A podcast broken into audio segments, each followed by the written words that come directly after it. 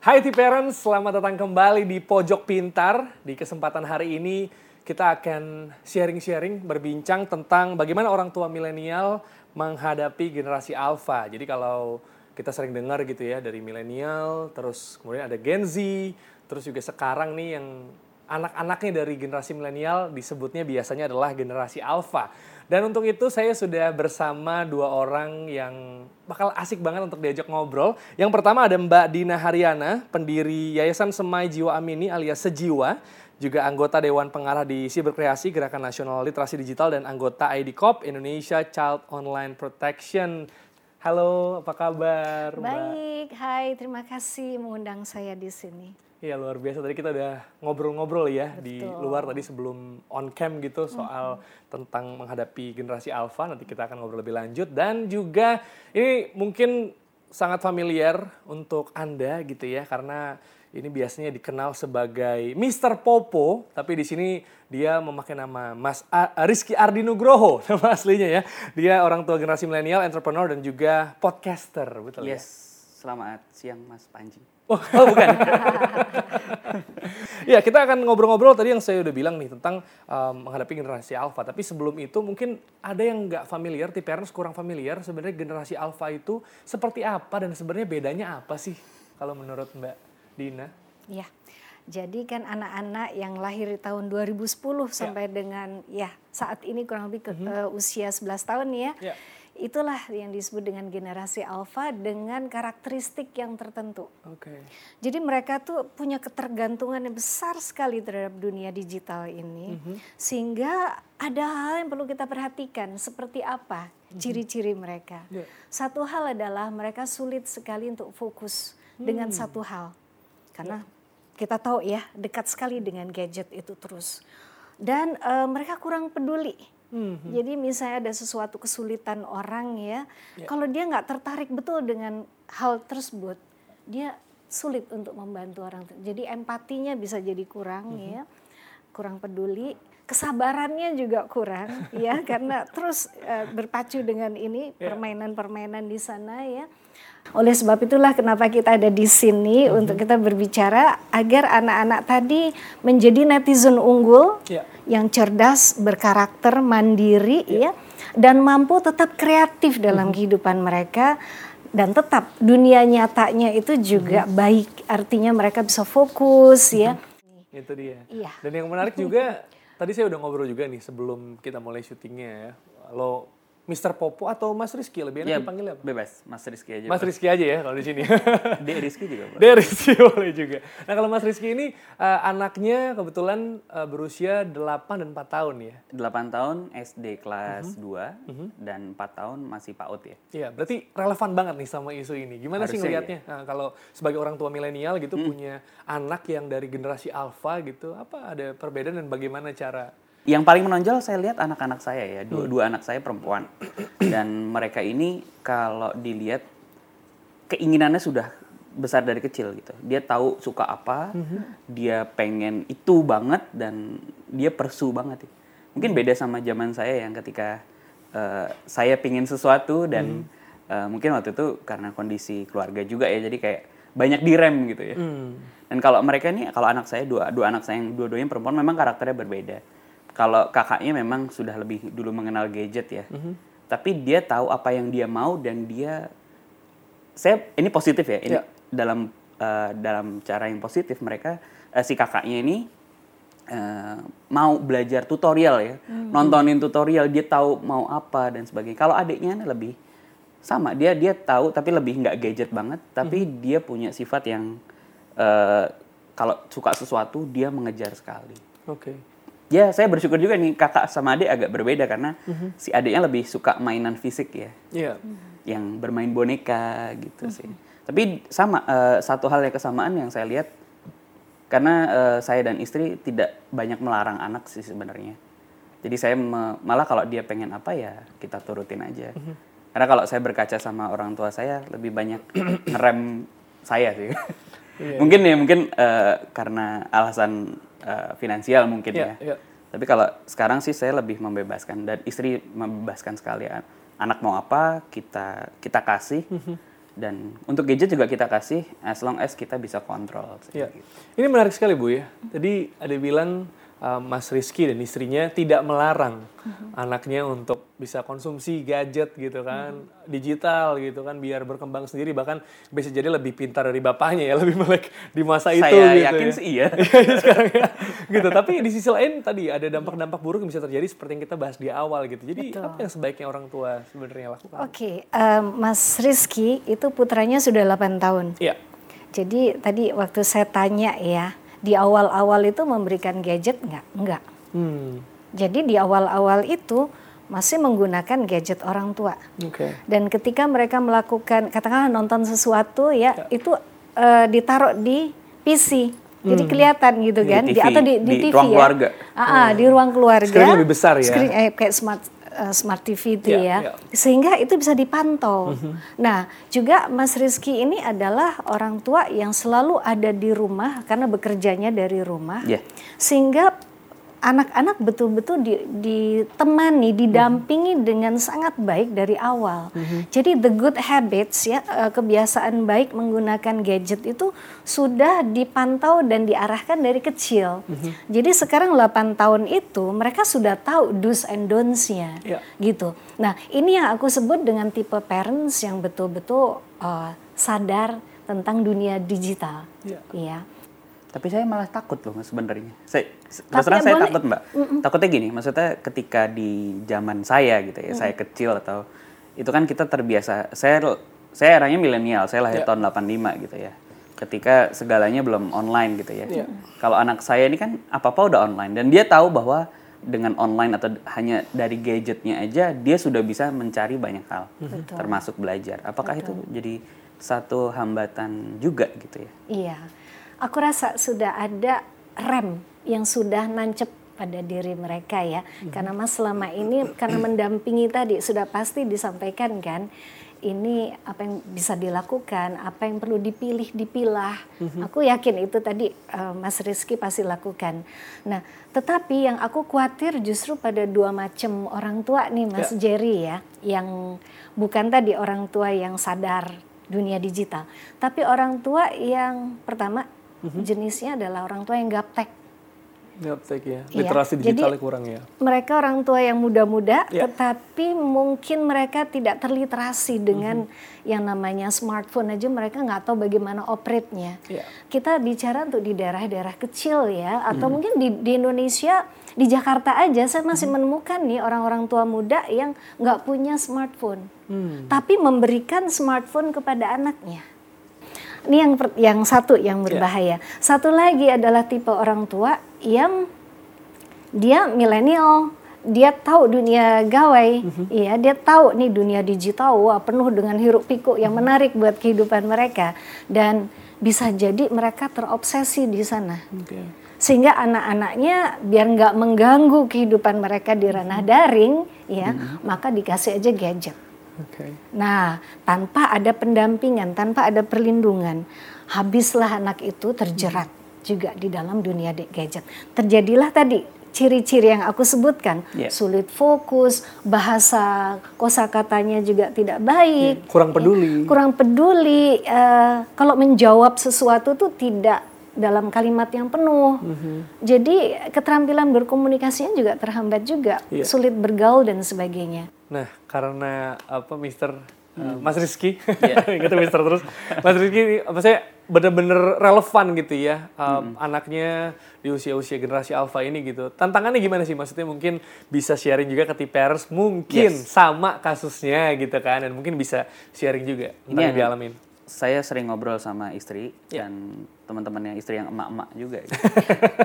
Sadar gimana sih? Yeah, yeah. Karena uh, ya saya cukup ini ya deket sama anak-anak dan saya juga perlu punya banyak ketakutan gitu kayak yeah. tadi gimana. Kalau kalau saya pribadi sama istri ya memang di awal kayaknya kenakalan kita zaman dulu lebih lebih mudah dikontrol karena hmm. secara fisik kan tahu. Beda ya. Maksudnya nakal ya Badung di luar yeah, gitu yeah, dan yeah. emang kelihatan gitu. Kalau hmm. sekarang kan nakal secara digital ya kita mau ngawasin iya. gimana gitu. betul betul akhirnya ya kalau kami uh, tentu saja kita harus cari solusi kan hmm kalau kemarin kita juga sempat lihat misalnya di sekolah-sekolah yang umum, terus kita lihat di karena sekolah kan sekarang region ya dari misalnya ya sekolah rumah kita di sini ya sekolah yang paling dekat kan sebenarnya gitu. Itu jadi pertimbangan kami sih. Jadi kita kita bentengi dengan ya kita masuk karena kami Muslim, terus kita coba masukin uh, anak di sekolah Islam yang cukup uh, cukup ketat lah istilahnya gitu ya. Karena ya pagar secara digital kayak parental lock segala macem. Iya kalau orangnya ya tadi Mbak bilang kan, kalau anaknya udah punya kebutuhan dan pengen, Iya. pengen apa pun ya artinya, pengen nonton film, pengen apa main game, apalagi kalau udah kenal sama ya let's say pornografi misalnya gitu kan, iya itu nggak sekarang meskipun dari kementerian juga banyak blokir-blokir orang Jebol ya juga ya. bakal Jebol. cari cara gitu. Nah, makanya kita pengen untuk anak kita ya bentengnya malah dari dirinya, dari benteng agama lah minimal. Paling nggak dari dari early stage nah, mereka sudah tahu ini dosa lah gitu. Iya, iya. Meskipun mungkin di level yang TK, SD awal eh, istilah dosa mereka apa ya gitu kan. Iya, iya, iya. Mungkin akan aku sampaikan beberapa hal, ya. Tadi Mas Rizky sudah menyampaikan, jangan sampai anak kita itu kelewat batas menggunakan gadget terus, iya. Screen time ya. Iya, jadi yang yang namanya screen time itu penting banget gitu.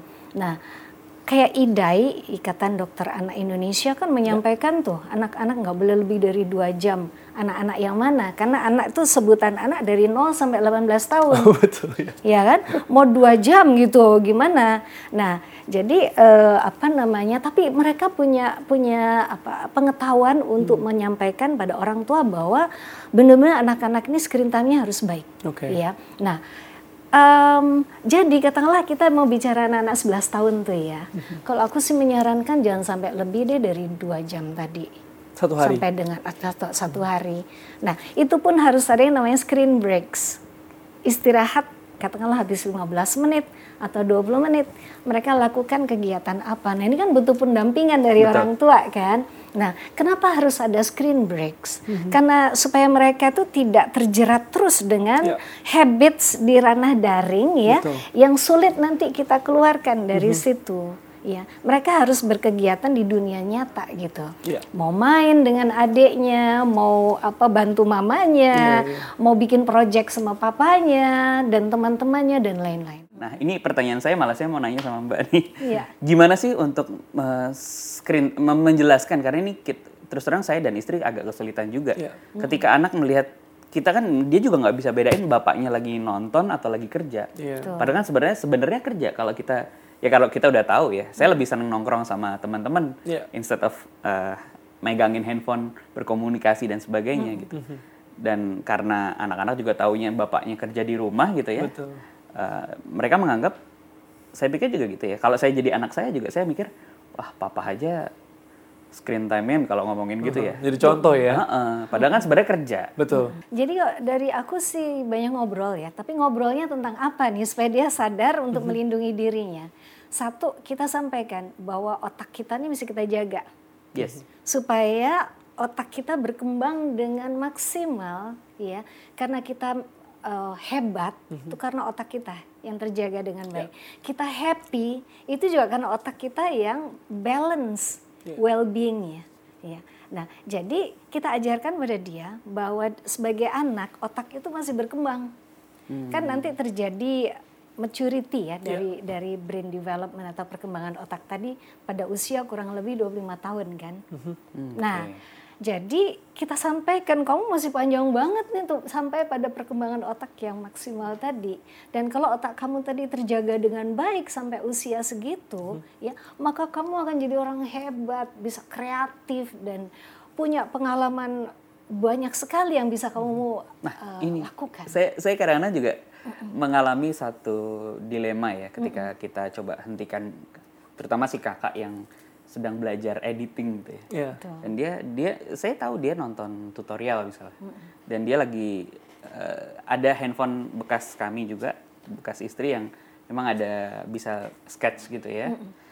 Nah, dia senang gambar. Oke. Ini kan hanya hanya perpindahan emang tadinya dia gambar di uh, di media gambar, Mhm. tapi sekarang dia menggambar di media digital. Betul. Dan dia juga belajar apakah ini kan kontradiktif ya kalau buat saya. Iya. Saya Kreatif melarang ya. dia, tapi dia in a way dia lagi belajar creativity buat dia gitu. Oke, kalau kita menggambar di gadget, ya, maka mata dia itu lekat pada gadget tadi, yang Betul. memiliki cahaya yang tidak baik untuk mata. Oke. Nah, jadi sampaikan juga pada anak kita bahwa dia butuh sesuatu yang nat- natural, yang alami. Iya, dan bahwa otak itu akan berkembang dengan baik ya kalau dia distimulasi, dirangsang oleh hal-hal yang real. Mhm. Begitu.